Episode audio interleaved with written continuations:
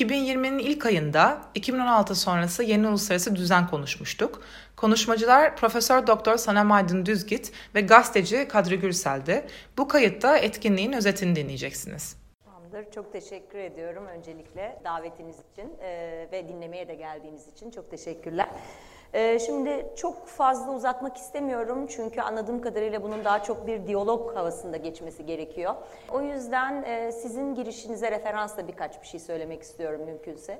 Şimdi 2016 dendi. Evet 2016 önemli bir seneydi. Brexit'e baktığınızda ya da işte Trump'ın e, Amerika'da seçilmesine baktığınızda önemli olayların olduğu bir yıldı. Uluslararası ilişkiler ve uluslararası sistem açısından. Ancak tabii ki bugün tartıştığımız birçok yakıcı sorunun 2016'nın çok öncesine dayandığını ve köklerinin de kökenlerinin esasen çok öncesine dayandığını görüyoruz.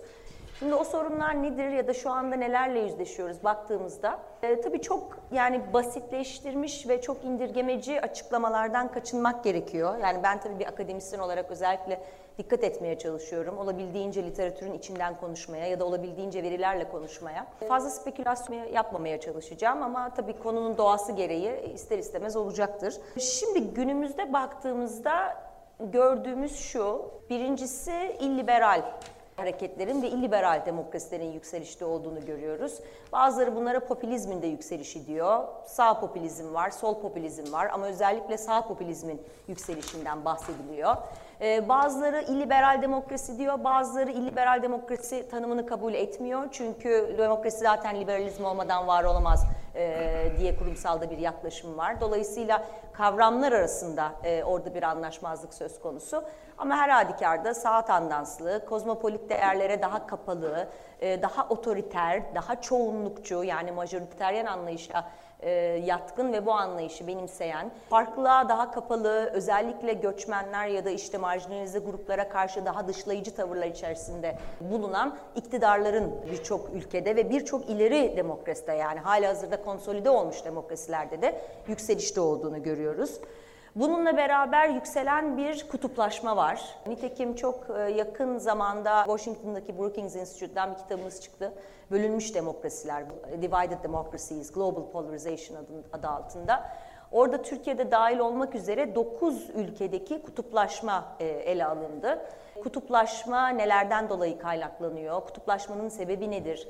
Kutuplaşma ne şekilde kendini e, gösteriyor toplumda ve siyasi sistemde ve ne gibi sonuçları var? Kurumlar üzerinde ne gibi sonuçları var?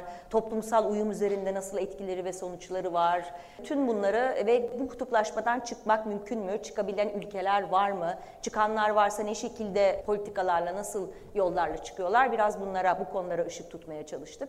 Dolayısıyla küresel e, kutuplaşma dediğimiz olgu da biraz aslında bu zamanımızın olgusu ve en bence e, popülizmle de yakın ilişkiyle birlikte çok e, yakıcı sorunlardan bir tanesi. Şimdi bunların neden olduğuna bakarsak yani neden kutuplaşıyoruz, neden popülist hareketler artıyor, özellikle sağ popülizmin neden arttığını görüyoruz. Almanya gibi ülkelerde mesela aşırı sağın gittikçe güçlendiğini görüyoruz.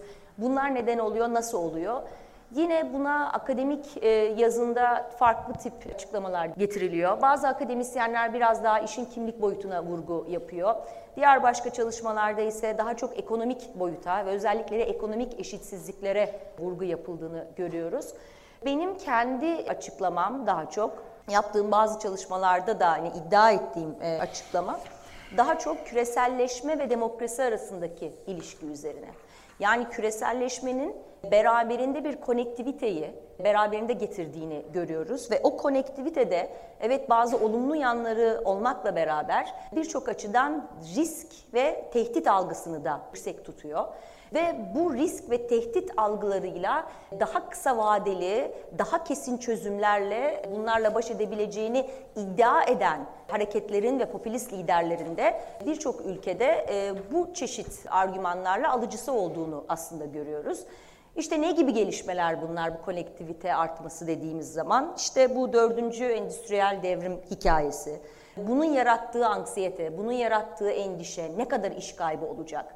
Yine literatürü açıp baktığınızda rakamlar çok değişken. Yüzde 45 diyor, bazıları yüzde 10 diyor. Yani bu e, robotların ya da işte yapay zekanın ne kadar iş kaybına neden olacağına dair çok farklı veriler var ama en nihayetinde bu belirsizlik bile kendi içerisinde bir endişeyi arttırıcı bir e, etken. Öbür tarafta ciddi bir şehirleşme var. Sürekli bir küresel şehirlerden artık bahsediyoruz. Artık nüfuslar olağanca hızıyla şehirlere göç ediyorlar ve şehirlerde e, lokalize oluyorlar. Tabii bu küresel şehirlerin yönetilemezliğini de beraberinde getiriyor. Çünkü şehirler daha çok e, göç aldıkça ve kalabalıklaştıkça özellikle bu şehirlerdeki hizmetlerin doğru bir şekilde yapılmadığını ya da etkin bir şekilde yapılamadığını görüyoruz. Ve burada da tabii e, mültecilerde suç bulunabiliyor ya da işte göçmenlerde ya da işte muhalefette ya da vesaire. E, öte taraftan baktığınız zaman küresel orta sınıflar büyüyor. Ama küresel orta sınıfın büyümesi demek her zaman demokrasinin güçlenmesi demek anlamına gelmiyor. Nitekim bu orta sınıflara baktığınız zaman ve bu demin bahsettiğim şehirleşme hikayesinde bu orta sınıflarda var. E, bu şehirlerin bu yönetilemez halinden de son derece rahatsızlar ve bunun çözümünü de genelde demokrasi ve temel özgürlüklerin genişletilmesinde bulmuyor bu orta sınıfların e, önemli bir çoğunluğu birçok ülkede. Ve ne oluyor? İşte bu risklere, bu sözde güvenlik tehditlerine baş etmek için kısa vadeli çözüm öneren e, liderlerin daha cazip bir hale geldiği bir ortamdan bahsediyoruz. Referandumlar daha cazip bir hale alıyor. Güçlü lider tipolojisi daha cazip bir hale alıyor. Popülist yönetişim ve ideoloji, şimdi detayına girmeyeceğim belki sonra daha çok konuşuruz bunların içeriği nedir, ortak yanları var mıdır vesaire daha ön planda oluyor. E, ve bu çeşit yani korkulara, bu yeni bu düzenin beraberinde getirdiği ve iklim değişikliği de mesela bununla beraber ele alınabilir. Bunların beraberinde getirdiği tehditlere, korkulara bir anlamda kısa vadeli çözüm getirebilecek, daha sloganvari e, pozisyonlarla öne çıkan ve bir şekilde bir hizmet ve çözüm odaklı olduğu iddiasıyla yola çıkan bu çeşit liderlerin ve bu çeşit hareketlerin ve bu çeşit enstrümanların güç kazandığını görüyoruz. Yani belki hani bir beş dakikada durumu yani biraz fazla da belki basitleştirme riskini de beraberinde taşıyarak özetlememiz gerekirse bence bu şekilde ve sanırım Kadri Bey'e sözü verebilirim. Hocam çok teşekkürler. Ben e, sizin kadar e, böyle komprime bir e, özet yapabilir miyim bilmiyorum kendi kapasitem dahilinde tabii farklı siz akademik disiplindersiniz. Ben ise gazeteciyim. Dolayısıyla bizim bizim açımızdan her yöne seyahat serbest. O ama dolayısıyla kendimi biraz düzene koymak, sınırlamak için çaba sarf ettim. Ee, şimdi tabii e, davette 2016 yazıyor. Siz de bahsettiniz. 2016'da ne oldu diye e, baktığımızda işte iki önemli olay. Bir Brexit, bir bir de Trump'ın seçilmesi gündeme geldi ve Trump'ın seçilmesinin çok ciddi sonuçları oldu ama Trump niye seçildi sorusuna e, cevap vermek lazım bence. Yani buraya nasıl gelindi? Trump'ın seçilmesinin arkasında bütün bu Avrupa'daki sağ hareketler, popülizmler, popülist akımlar İngiltere'nin Büyük Britanya'nın Avrupa Birliği'ni terk etmesine neden olan da dahil popülist akımlar derken onu da kastediyorum. 2008 küresel mali kriz var. Yani 2008 küresel mali krizinin yarattığı büyük travma, şok ve bunun e, etkileri, bunun siyasete yansımaları ama tabii siyasete yansırken de mevcut e, içinde bulunduğu koşulların e, taşıyıcılığı ile e, yansıdı. Yani aşırı sağ yükseltti, sağ popülist akımları yükseltti, yabancı düşmanlığını arttırdı ve genellikle görüyoruz ve siyaset sınıfını, yerleşik siyaset sınıfını, köklü kadim siyasi partileri Avrupa'da, Fransa örneğinde çok bariz şekilde karşımıza çıkıyor bu. Çökertti. Aslında yani bu ucuz gelebilir, kolaycı gelebilir. Yani söyleyeceğim şey kestirip atmak gibi de görünebilir. Fakat aslında öyle değil. Bu sonucunda bugün yaşadığımız problem e, Soğuk Savaş'ın bitmesi, sona ermesi neticesinde büyük aktörlerin mevcut kurulu düzeni İkinci Dünya Savaşı sonrasında kurulan düzeni e, rektifiye edemeleri, edememeleri, revize edememeleri, bu, bu düzeni dönüştürememeleri, bunda, buradan yeni bir düzen çıkartamamaları e, gibi bir de tabii kifayetsizlik var ama bununla da etkileşime giren bir takım faktörler var. Bir tanesi bunun küreselleşme. Bahsetti hocam. Küreselleşmeden en, küreselleşme tartışmalarını hatırlayın 80'li yılların sonu 90'ların başında. Küreselleşme sanki bir ideolojik düşmanmış gibi e, o, o yıllarda algılanır ve küreselleşme karşıtlığı diye aslında izolasyonist, içe kapanmacı bir e, reaksiyon geliştirildi. Türkiye'de de vardı bu. Yani küreselleşme karşıtlığı falan.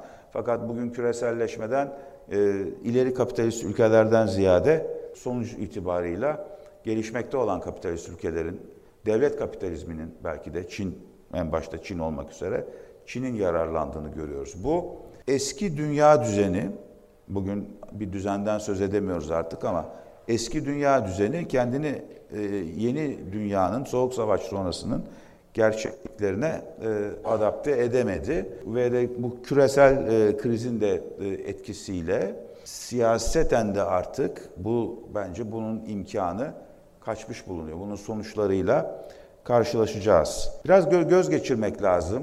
Bazı örnekler vermek gerekiyor. Yani Soğuk Savaş'ta kurulmuş olan İkinci Dünya Savaşı sonrası galiplerin kurmuş olduğu düzen neydi? Bir yani e, bugün tartıştığımız kurallara dayalı, e, kural temelli dünyadan bahsediyoruz. Kural temelli dünyadan kuralsız bir dünyaya doğru bir kayma var. Çünkü kurallar çalışmıyor. Kuralları çalıştır, kuralların sahibi olan ülke Amerika Birleşik Devletleri, kurucusu olan ülke Amerika Birleşik Devletleri en başta bu düzenin yıkıcısı konumunda ortaya çıkıyor Trump'ın seçilmesiyle beraber. 1944'te Bretton Woods ıı, düzeninin kuruluşu, işte New Hampshire'da bir e, otelde e, dünyada daha savaş sürerken e, bir araya gelen e, delegelerin oluşturduğu, aldıkları kararların sonucunda IMF ve Dünya Bankası'nın kurulması. Buna paralel olarak yine 1947'de Gümrük Tarifeleri ve Ticaret Genel Anlaşması var. GATT e, bu 1995'te e, Clinton'ın öncülüğünde e, Dünya Ticaret Örgütü adını aldı ve çok genişledi malumunuz. Birleşmiş Milletler 1945'te e, kurulan, ondan sonra 1949'da kurulan ve bizim de 1952'de üye olduğumuz NATO e, var.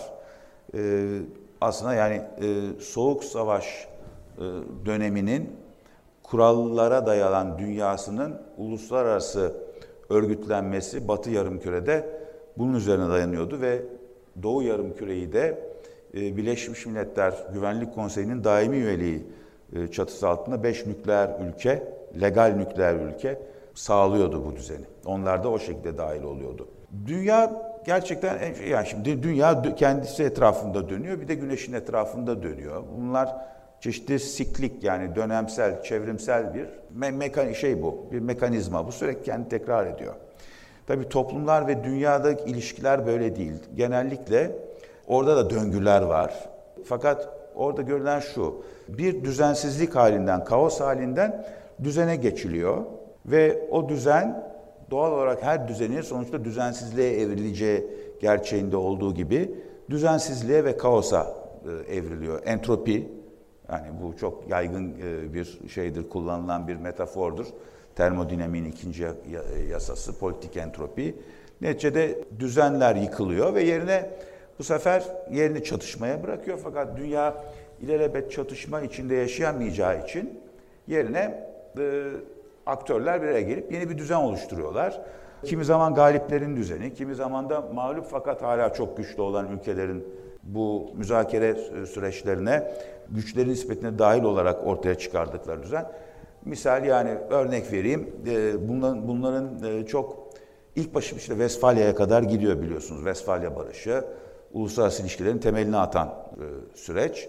Vesfalya Barışı'ndan önce 30 yıl süren bir din, din savaşları var. Hatta 80 yıl süren şeyde Hollanda'da vesaire çok uzun savaşlar var. Bunu bunu bitiriyor ama tabii süre şey olmuyor, sürekli olmuyor. Neticede Napoleonik savaşlar, Napolyon savaşları e, birinci, birinci sanayi devrinin akabinde e, ortaya çıkmasıyla başlıyor.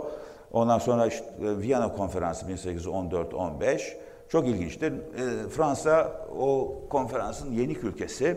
Fakat buna rağmen Fransa konferansta yani bazı topraklarını kaybetmekle birlikte konferansın adeta eşit üyeleri e, falan gibi muamele görüyor. Yani masadaki yeri böyle o Talleyrand'ın falan sayesinde biraz da öyle oluyor. Fransa'nın gücü. Her zaman böyle olmuyor. Şimdi Versailles Anlaşması keza. Cemiyeti Akvam'ın kurulması daha sonra ama onun başarılı olamaması. Ardından İkinci Dünya Savaşı. Buhranlar ve düzensizlikler ve daha sonra tekrar e, düzen düzenlerin kurulması. Bugün de bence artık İkinci Dünya Savaşı sonrasında ortaya çıkan tek kutuplu dünyanın çok kısa sürmesi gibi bir fenomenle karşı karşıyayız. 1991'de bittiğinde, çöktüğünde Sovyetler Birliği, kendi içine çöktüğünde işte tek kutuplu dünya var dedik. Ama bu tek kutuplu dünya 2008'den itibaren aslında çökmeye başladı. Yani tek kutuplu dünya düzeni. 2008'de Gürcistan Savaşı, Rusya'nın tekrar e, asertif bir şey yani kaybettiği hakların geri isteyen, dünyadaki yerini buna irredentizm diyemeyiz tabii ama yani geri isteyen, e, hakkını talep eden bir ülke olarak Putin'in liderliğinde ortaya çıkması e, sonucunda işte önce Çeçen Savaşı 99'dan başlayıp sonra Gürcistan, sonra Donetsk e, Savaşı, e, Ukrayna 2014 hala devam ediyor şey olmadı. Ben 2016'da bu e, 2016 tarihinde seçmemize neden olan iki fenomene bir Brexit diğeri e, şey Trump'ın seçilmesi üçüncüsünü de ekleyeceğim. Bu da Rusya'nın Suriye müdahalesi. Bu 2015'in Ekim'inde falan oldu ama asıl etkisini 2016'da çok bariz bir şekilde gösterdi. Ve doğrudan Türkiye üzerinde gösterdi tabii ki. Fakat Rusya'nın Suriye müdahalesi gerçekten de artık tek kutuplu dünyanın bittiği, çok kutuplu e, dünya dediğimiz e, bir dünyadan da düzensizliğe doğru yol aldığımızı gösteren bir hadise. Yani ayrıca da bizim e, Erdoğan'la Putin arasındaki ilişki. Aynen öyle, evet. Yani özel özel e, ilişkiyle devlet ilişkisi veya kamusal işle özel iş arasındaki ayrım ortadan kalktı. Ve biz aslında iki lider bir araya geldiğinde kendi özel işlerini mi konuşuyorlar, devlet işlerini mi konuşuyorlar bilmiyoruz. Gerçekten bilmiyoruz. Yani bazen bir taraftan tercüman alıyorlar yanlarına. Yani bir devletin tercümanı oluyor, ikinci devletin tercümanı olmuyor. Ve saatlerce konuşuyorlar ve kayıt tutulmuyor. Yani böyle bir dünyada yaşıyoruz. Evet. Ukrayna'da mesela bu azil sürecine götüren Ukrayna konusu da e, bunun bir parçası. Bizim Libya politikamızda keza sorgulanabilir bu açıdan. Suriye politikası da sorgulanabilir, her açıdan sorgulanabilir. Evet, yani, kesinlikle e, katılıyorum. Çok, çok doğru o. Yani e, dolayısıyla iyice artık iş e, mevcut parametrelere bakarak çözümleme yapmanın e, zorlaştığı e, Çok bir zor şey. ve öngörülebilirliği evet. yok.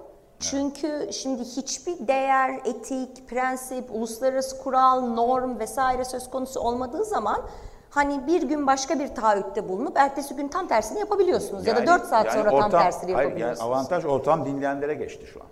Yani bir görüşmenin, görüşme öncesinde yorum yapmaktan ziyade ortamı dinleyenler varsa onlar onlar biliyorlar. Gerçekten böyle bir e, yani karmaşık ve girift e, bir dünyada yaşıyoruz ve bu da aslında mesela gazeteciliği de e, sizin alanınızda bir hayli e, zorlaştırıyor bu genelleme yaptığımız zaman. Çok zor yani okumak. Bir basın toplantısının ahengini okumak çok zor. Zorlaştı. Evet. Misal bizim açımızdan yani. Yo evet evet katılıyorum. Yani zaten sosyal bilimcilerin hani öngörebilme başarısı son derece tartışılır. Şimdi artık iyiden iyiye e, spekülasyon yapmaktan korkar hale geldik. Ama bir şeye daha belki değinebilirim. Rusya konusunda çok doğru bir noktanın altını çizdiniz. Şimdi Rusya için ve Putin için yakın Rusya tarihinin en büyük başarısızlığı belki de NATO genişlemesiydi. Ve yani bunu Putin birkaç kere üstünü basa basa ifade etti. Ve dolayısıyla yani Putin için Rusya'nın doğal hinterlandı, arka bahçesi olarak gördüğü bir alanın bir dönemlik zayıflıktan kaynaklanarak ya da bir dönemlik zayıflık bahane edilerek bir şekilde NATO'nun e, bünyesine alınmış olması Putin için Rusya'nın yaptığı en büyük hatalardan bir tanesi yakın tarihte ve döndürülmesi gereken bir hata. E tabii yani bugünü bugünden yarına döndürmeniz mümkün değil ama NATO'yu zayıflatarak buna bir nebze katkıda bulunabilirsiniz. Ya da NATO'daki ittifak üyelerinin aralarına çeşitli e, mevzular, politikalar vesilesiyle nifak sokarak da bunu başarabilirsiniz. Ki nitekim Putin bunu aslında şu ana kadar başarıyla e, oynadı diye düşünüyorum. Çünkü bu tip bir düzensizlik ortamında aslında bu çeşit hani güçlü lider dediğimiz ya da işte demokrasinin olmadığı, fazla içeride dış politikanın sorgulanmadığı, bir accountability dediğimiz hesap verilirliğin olmadığı ve bir kişi ya da işte o kişinin anturajının karar verdiği e, dış politikalarda çok daha çabuk kararlar verebildiklerini ve kendilerini çok daha etkin aktörler olarak ileri sürebildiklerini görüyoruz.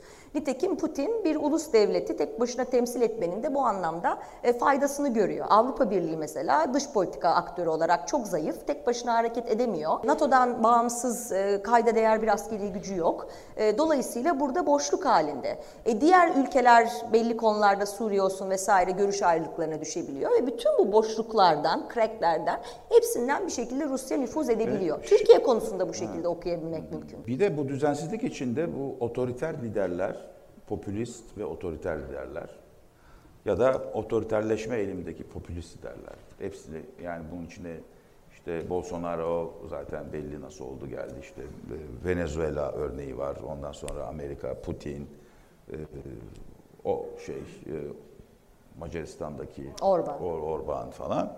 Bunlar da birbirlerinden öğreniyorlar. Tabii.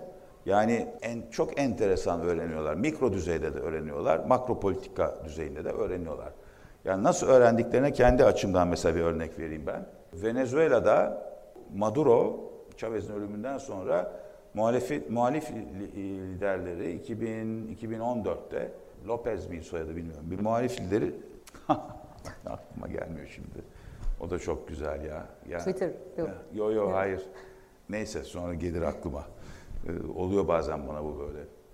Ee, oluyor. Geldiği zaman söylerim. Şu şey belki siz yardımcı olursunuz bana. Yani örtülü mesaj. Neydi bunun? Ha tamam. Ha, subliminal. Ha evet evet hatırladım. Ee, bu tamam. benim çok uğraştığım bir mesele. Çünkü evet. ben bununla suçlandım. Sü, subliminal mesaj vermekle suçlayıp içeri attı, tutukladı. Evet. 2000, 2015'ten itibaren de, de Türkiye'de subliminal mesaj önce önce önce Venezuela'da oluyor bu. Daha sonra Türkiye'de de subliminal mesaj vermekle önce yani Ahmet Altan değil de Mehmet Altan suçlanıyor. Sonra ben suçlandım subliminal mesaj vermekle. Yani subliminal mesaj vermek suçlaması mesela.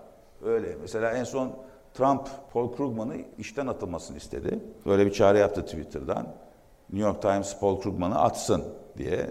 Bir gün önce yani bizde de işte 10-11 yıl önce el koymadan önce yani daha o zaman e, ana akım medyaya koymamıştı e, Erdoğan. Bunları niye atmıyorsun diye Doğan, e, Aydın Doğan'a çağrılar yapıyordu. Falan. E, veyahut medya modelleri benzeşmesi var keza. Yani Putin medyasının, Gazprom'un, e, yan kuruluşlarının e, sübvansiyonuyla ayakta duran Putin medyasıyla bugün günümüz Türkiye'sindeki medya endüstrisinin yine böyle e, devletten geçinen bir takım işte proxy kapitalist ya da oligark şirketler tarafından finanse edilmesi. Yani devlet tarafından finanse edilmesi var. Bu tür örnekler Tabii çok. Bu diaspora ile olan ilişkiler de mesela güzel bir örnek. Mesela bakarsanız mesela Hindistan'daki Hindistan Başkanı Indira Modi de hmm. e, ne yapıyordu? İşte Londra'ya gidiyor, İngiltere'ye gidiyor. Çeşitli gittiği ülkelerde, şehirlerdeki Hint diasporasını bir stadyuma topluyor ya da işte büyük salonlara topluyor.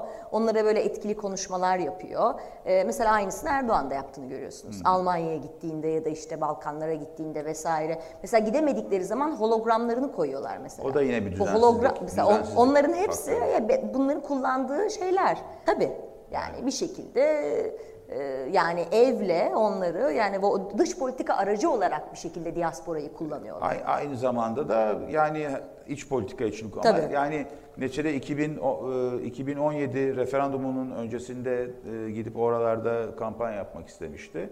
İzin verilmeyince evet. kriz çıktı. Onu kullandı. O krizi kullandı. Evet. Fakat o kampanyada bir e, vereceği mesajların radikalize edici mahiyette olması vardı. Yani bu böyle işte neticede popülist liderler aynı zamanda başka ülkeleri de radikalize edebiliyorlar. Ondan sonra ayrıştırabiliyorlar. Ben sizden sonra kısa bir şey yapmak istiyorum. Tabii tabii buyurun. buyurun Tamamladıysanız bu özellikle ben yani biraz da ideolojilere de değinmek istiyorum. Yani bugünkü düzensizlikten ne çıkacak? Bugünkü düzensizlik aynı zamanda yani hocamın da ilk e, turda belirtti bu dördüncü sanayi devriminin e, şafağına denk geliyor ve unutmamak lazım. Marksizm, işte Marksist ideoloji, Marksizm ve Leninizm birinci ve ikinci sanayi devrimlerinin sonucu. Çünkü işçi sınıfı birinci sanayi devriminin ürünü. Üçüncü sanayi devrimi işte dijitalleşme artı işte internet ve dijitalleşme,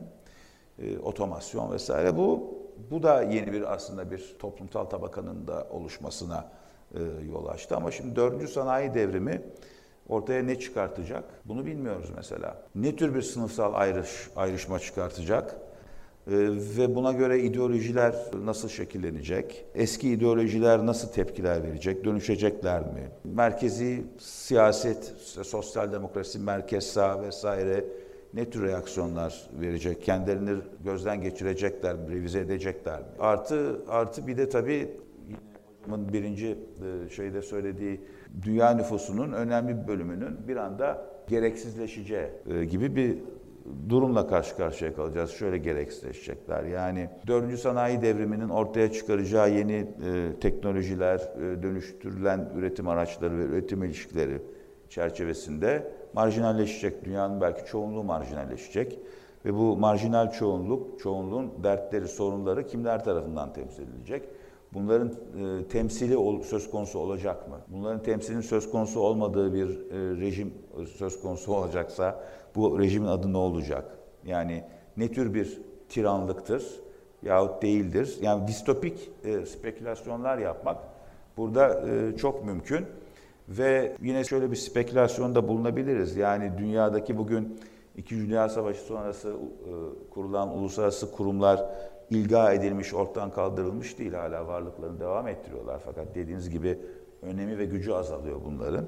Dolayısıyla yani bir halden ötekine geçiş çok uzun sürebilir bu kez. Çünkü rahatsız edici, disruptif dediğimiz çözücü, yıkıcı e, faktörler e, giderek artıyor ve her geçen yıl belki bunlara yenileri eklenecek. Ve bilgi ve sermayeleri sayesinde dördüncü sanayi devriminin nimetlerinden faydalananlar ve faydalanamayanlar. Onlar e, arasındaki ayrım çıkacak ortaya ve mesela solun buna cevabı ne olacak? Bu açıdan popülizm de tartışılabilir. Popülizm, popülist akımlar mesela siz e, yani Pompeo devam edebilir ile devam edebilirler dediniz. Trump'ın ikinci dönem seçilmesi e, ihtimali kuvvetlidir. Fakat bu biraz şunla çelişmiyor mu diğer taraftan? Yani e, Trump da tam anlamıyla aslında bu e, hem e, Amerikan ekonomisinin hem de aslında Amerika içindeki e, doğal dinamiklerin neden olduğu rahatsızlığın, değerler e, değerler ekseninde yol açtığı e, kutuplaşmanın bir tarafına oynadı. Ve o sayede kazandı aslında yani. Trump bu anlamda gerçek bir sağ popülist. Trump'a bakarak popülizmin başyapıtlarından biri yazılabilir. Yani bu ancak popülizmin çözüm sağladığı, sorun çözdüğü iddiasında bulunmamıza el vermiyor bu durum. Yani Dünyada popülizmler İngiltere'de olsun, Fransa'da olsun, Avrupa'nın diğer ülkelerinde, Türkiye'de olsun bir semptom olarak ortaya çıkıyorlar. Popülizmler semptomdur. Bu popülizmlerin elinde e, yani sorun çözme imkanı yoktur. Sorun çözemezler popülist akımlar. Ve ben dolayısıyla popülizmlere geçici akımlar olarak bakıyorum. Bunlar e, geçeceklerdir, tahrip edeceklerdir, sorunlara yol açacaklardır, büyüteceklerdir sorunları. Fakat geçeceklerdir. Bu açıdan da belki yani e, bir projeksiyon yapmak mümkün olabilir. Bilemiyorum şey için. Evet, e, yani şöyle katılıyorum. Hani çok da olumsuz olmamak gerek belki. Yani hani evet yani tabii ki e, içinde bulunduğumuz durum e, hani oldukça olumsuz tasvirleri mecburen barındırıyor ama öte yandan da bir evet e, şuna katılıyorum. Popülist liderlerin belli limitleri, sınırları var. Yani hizmette ve hani delivery dediğimiz hikayede e, verebildiklerinde topluma ve bunun bir şekilde so- sınırları olduğunu ve bu sınıra gelindiğinde ben de devamının zor olduğunu düşünüyorum. Ama e, popülizmin kendisine de baktığımız zaman hani ideolojiler dediğiniz dediniz mesela Popülizm de aslında literatürde bizim hem bir ideoloji olarak hem de bir yönetişim şekli olarak tanımlanıyor. Hmm. Yani popülizmin kendisine de bir ideoloji olarak bakabiliyoruz. Nasıl bir ideoloji? Nasıl onu biraz açar mısınız? Yani Şöyle yani şimdi belli diyor elementleri olan, belli argümanlara, belli inanç sistemine dayanıyor diyor. Birincisi nedir? Halk e, ve elitler ayrımı. Ha, o. İşte oradaki elitler, işte düzenin temsilcileri ya da işte her neyse her ülkenin renklerine göre o e, grubu doldurmak bir şekilde Vol, mümkün. Volonte general yani. Aynen öyle. Volonte general. aynen öyle. İşte milli irade de diyoruz milli ona. Irade. Onu bizim Türkiye'mizde de milli irade olarak herhalde tekabül ediyor. Evet. E, tam karşıtlığı. E, bu ikililik mesela e, popülizmi ideoloji olarak ve yönetişim tarzı olarak aldığınızda onun merkezine oturuyor. Onun dışında otoriterlik ve çoğunlukçuluk yani majoriteryen e, yönetim anlayışı. Üçüncüsü düzen karşıtlığı. Hani İngilizce'de diyorlar ya biz anti-establishment'ız yani düzenin hmm. yani kurulu düzenin müesses nizamın ve düzeninin karşıtıyız. Ona karşıt olarak zaten halkın yanındayız ve halkı temsil ediyoruz.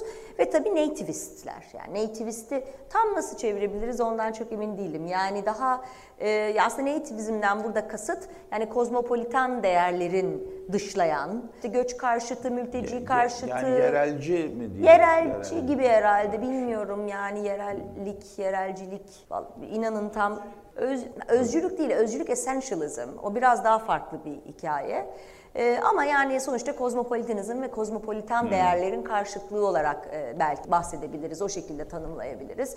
İşte nedir? Ne kadar marjinal grup, marjinalize grup, ne kadar azınlık grubu vesaire varsa hani bunları Hepsine daha çok dışlayan ve özcü bir kimliği de kimliği özcü bir anlayışla ele alan diyebiliriz. Belki o şekilde bir farklılık var.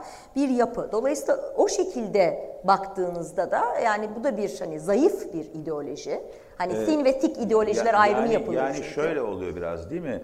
Merkezi güçlü olmayan bir ideoloji. Evet, neticede, zayıf. Neticede ideolojiler e, merkezleri bir kavramı, bir amacı, hedefi merkezlerine alıp onları e, tahkim ederek e, güçlerini arttırırlar. Yani ama bakıyorsunuz ideolojilerin bu bahsettiğiniz şeyde ortada kocaman bir halka var, içi boş ve içinden İslamcılık da geçer, e, aşırı sağcılık evet. da geçer, solculuk da geçer bu bahsettiğiniz. Evet, evet. Yani dolayısıyla zayıf merkez. Evet. Merkezi evet. çok zayıf. Evet, zayıf ee, bir, ideoloji olarak zayıf tanımlanıyor ideoloji, zaten. Yani, evet. Zayıf ideoloji olarak hmm. tanımlanıyor. Onu bir e, söylemek istedim. Bir de en çok Amerika odaklı gidiyoruz ama e, belki yani Avrupa'dan da biraz bahsetmek lazım diye düşünüyorum. Çünkü içinde bulunduğumuz durumun da tabii Amerika'nın ve Trump'ın seçilmesinin çok büyük bir etkisi var.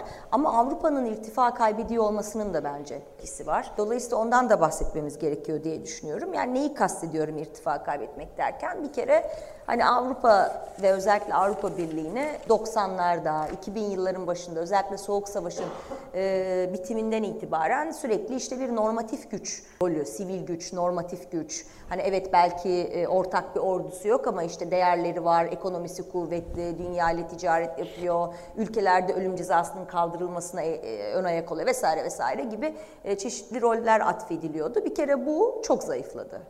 Hatta belki yani tamamen ortadan kalkmaya başladığını söyleyebiliriz. Bir kere kendi içerisinde çünkü demokrasi sorgulanmaya başladı. İşte Macaristan örneğinde görüyoruz, Polonya örneğinde görüyoruz. Bence de Fransa. E, e tabi bir de yönetişim olarak sorun yani Orta ve Doğu Avrupa genişlemesi oldu ama işte bir Bulgaristan'a baktığınızda bir Romanya'ya baktığınızda yani bu ülkelerin yönetişim düzeyleri iç pazarın işleyişini tehdit edecek düzeyde. Evet. Korkunç e, yolsuzluklar, yolsuzluklar var, hukukun üstünlüğü alanında mafyalaşma vesaire bütün bunlarda sorunlar var e, ve bunları yaşıyorlar. Bunları yaşadıkları için zaten yeni ülke almaya artık bundan böyle çok e, soğuk bakıyorlar. Balkanlara bile şimdilik Batı Balkanlara aylardır dur dediler. Türkiye ile zaten ilişkiler binlerce başka sebepten de ötürü durmuş durumda. Dolayısıyla bir kere bu gücü kaybediyor. İkincisi ekonomik olarak da büyük bir soru işareti var orada. Çünkü Çin ve Çin'in yarattığı rekabetle Avrupa'nın nasıl baş edeceği e, orta vadede ve uzun vadede o da büyük bir soru işareti. Ve hatta yani rekabet edemeyeceği ve bu yüzden popülizmin daha da e, güçlenebileceğini iddia eden e, bazı siyasal ekonomistler de var. Tabii üçüncüsü de güvenlik meselesi. Yani bugüne kadar Avrupa güvenlik meselelerine çok fazla kafa yormuyordu. Hani bireysel bazı yani devletler hariç. Neden? Çünkü NATO vardı. E şimdi NATO'nun ne olacağını sorgulandığı bir dönemdeyiz yani. Konuşmadık fazla ama yani şimdi bir taraftan Trump'ın hani bu geleneksel işte transatlantik ilişkilere önem veren, ağırlık veren bir başkan olmadığını biliyoruz. E şimdi tekrar seçilmesi durumunda, hatta yani tekrar seçilir ve onun izinden giden birilerinin de tekrar seçilmesi durumunda e, Avrupa'nın güvenliğini e, zayıflamış bir NATO'da nasıl sağlayacağı sorunu var. O soruya henüz cevap verebilmiş değiller. Çünkü Almanlar ve Fransızlar o konuda halen tam bir görüş birliğine e, varabilmiş değiller ve bu Türkiye'yi de ilgilendiriyor aslında. Şimdi genel olarak aslında Türkiye açısından eğer e, Türkiye içinden geçtiği bu zor ve türbülansı dönemden çıkar ve daha sonra bu dönemin yarattığı hasarı e, onarma yönünde e, ve yönelimlerini te- tekrar rektifiye etme yönünde bir kararlılık sergilerse e, bıraktığı Avrupa Birliği'ni bulmayacak. Dolayısıyla yani Avrupa Birliği'nin bu süreçte maruz kaldığı hasar bir paradigma olarak Türkiye'nin de Avrupa Birliği'ni eskisi kadar sahiplenmemesine neden olabilir. Çünkü bakıyorsunuz yani özellikle Türkiye'deki işte aydın, entelektüel kesim Avrupa Birliği'ne demokratik normların güvencesi olarak bakan yani hukuk, hukuk devleti, hukukun üstünlüğü, insan hakları, iyi yönetişim vesaire gibi işte değerlerin, modernitenin klasik değerlerinin en azından insan hakları güvencesi olarak bakan e, bir kesim ki aslında bu kesim o kadar da dar değil yani daha genişletilebilir. Bu kesimin gözünde Avrupa Birliği aslında zayıflamış, iş, iş, iş göremez, işlev yerine getiremez bir e, halde. İngiltere'nin de ayrılmasıyla birlikte Avrupa Birliği bir güvenlik çıpası da olmaktan çıkıyor. Bugün Avrupa Birliği'ndeki tek e, nükleer güç Fransa. Onun da karada konuşulu nükleer silahları yok. E, yani birkaç e, su altı platformunda konuşlu nükleer silahları ve karar almakta güçlük çeken e, gerçekten de sorunlarını kendi sorunları içinde boğulan, boğulmakta olan ve anayasaya hayır yani Fransa'nın 2006'da anayasaya hayır demesinden bu yana Avrupa Anayasası'na aslında altından kalkamamış. Onun altında enkazın altında kalmış bir Avrupa Birliği var. Genişlemenin e, kurbanı olmuş. Dolayısıyla buradan bizim e, normalleşmemiz halinde yönümüzü tespit etmekte, etmemizde veya bir işte bir ölçü e, alabileceğimiz bir kutup bulmamızda da zorluk çekebiliriz. Bu açıdan da Avrupa Birliği de çok derin ağır bir kriz içinde içinde bulunuyor. Ciddi bir güvenlik gücü yok evet. gücü oluşturmasında Şimdi ona bir şey e, bölmüyorsam eğer. Yok evet, rica ederim ben böyle. Belki bir şey hani düşündüğüm. Böyle, evet. Böyle böyle gidiyoruz. böyle iler, güzel evet. ilerliyor.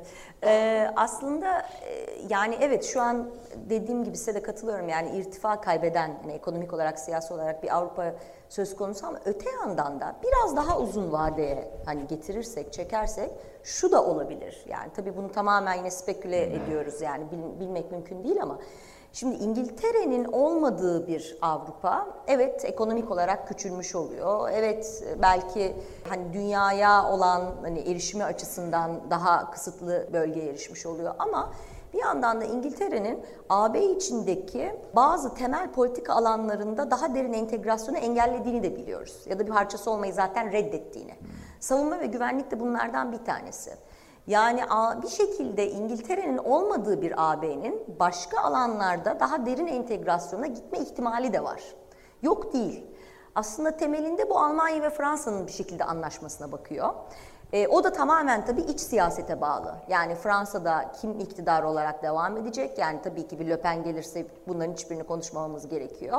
Ama onun dışındaki yine hani merkezden bir e, adayın devam etmesi, Macron vesaire ve Almanya'da da yine merkez liderlerin işte Merkel'den sonra yine toparlamış bir CDU, CSU olursa bilemiyoruz yani bunları görmek lazım.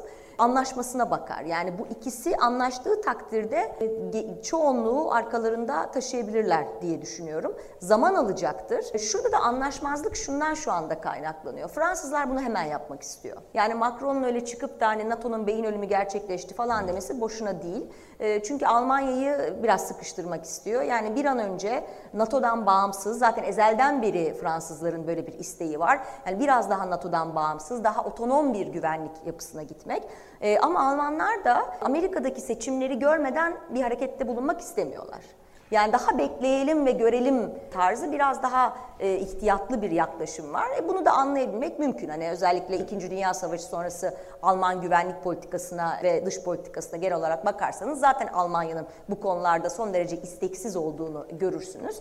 E, ama bu anlaşmazlığı onları aştıracak bir durum olması e, halinde uzun ve orta ve uzun vadede e, aşabilirler. Tabii o zaman biz nerede duruyor olacağız? O çok önemli bir soru. Bu dünyada aktörlerin, belli başlı büyük güçlerin bir araya gelip hadi artık bir düzen kuralım demeleri için gerçekten yani gök kubbenin çökmesi gerekiyor önce. Bu, bu yani yaşanılan tecrübelerle sabit. Tabii bunun çökmesi için illa dünyada bir yani dünya savaşı yaşamamız gerekmiyor. Bunu yaşadık.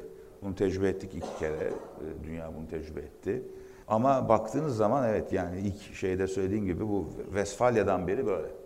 Yani hep büyük savaşlar, büyük düzensizlikler, büyük yıkımlar bir araya gelip o zaman bilinen dünyanın aktörlerinin aralarında sınırlar ve dengeler ve işte balıklar oluşturmalarına neden olmuş. Uzun uzun vadeyi ileriyi gören vizyoner liderler olmayınca bu oluyor. Bu eninde sonunda oluyor. E, ama şu an dünyanın e, bence en en büyük problemi aynı zamanda liderlik problemi var. Doğru. Çok ciddi. Yani klasik e, bunu klasik siyaset sınıflarının çökmesi, işlevsizleşmesi, iflas etmesiyle de açıklayamayız. Çünkü yani zaten olsalardı, anlatabiliyor muyum, iflas etmezlerdi neticede. Cevap veremiyor problemlere. Bu liderlik problemi de sürdükçe dünyaya yön verenlerin, kararlarıyla yön verenlerin olumlu ya da olumsuz, ileride olabilecekleri sezerek bu olabilecekleri önleyici mahiyette liderlik e, geliştirmeleri, yapmaları da zor. Çünkü böyle bir liderlik yok. Tam tersi merkez karşı yani dünyanın bütün bağlarını yırtan, ayıran, dikişlerini attıran bir liderlik sergileniyor dünyada bugün. Latin Amerika'da öyle, Kuzey'de de öyle, her yerde şeyde de öyle. Ee, Avrupa'da da öyle bunu görüyoruz ama galiba biraz daha e, beklememiz e, gerekecek durumun bu manada açığa çıkması için bakıyorsunuz bütün büyük lider diye anılan kişiler aslında yani şey karakterler yani kötücül karakterler. Baktığın zaman dünyaya yani, e, kapasitelerini çok olumsuz anlamda kullanıyorlar.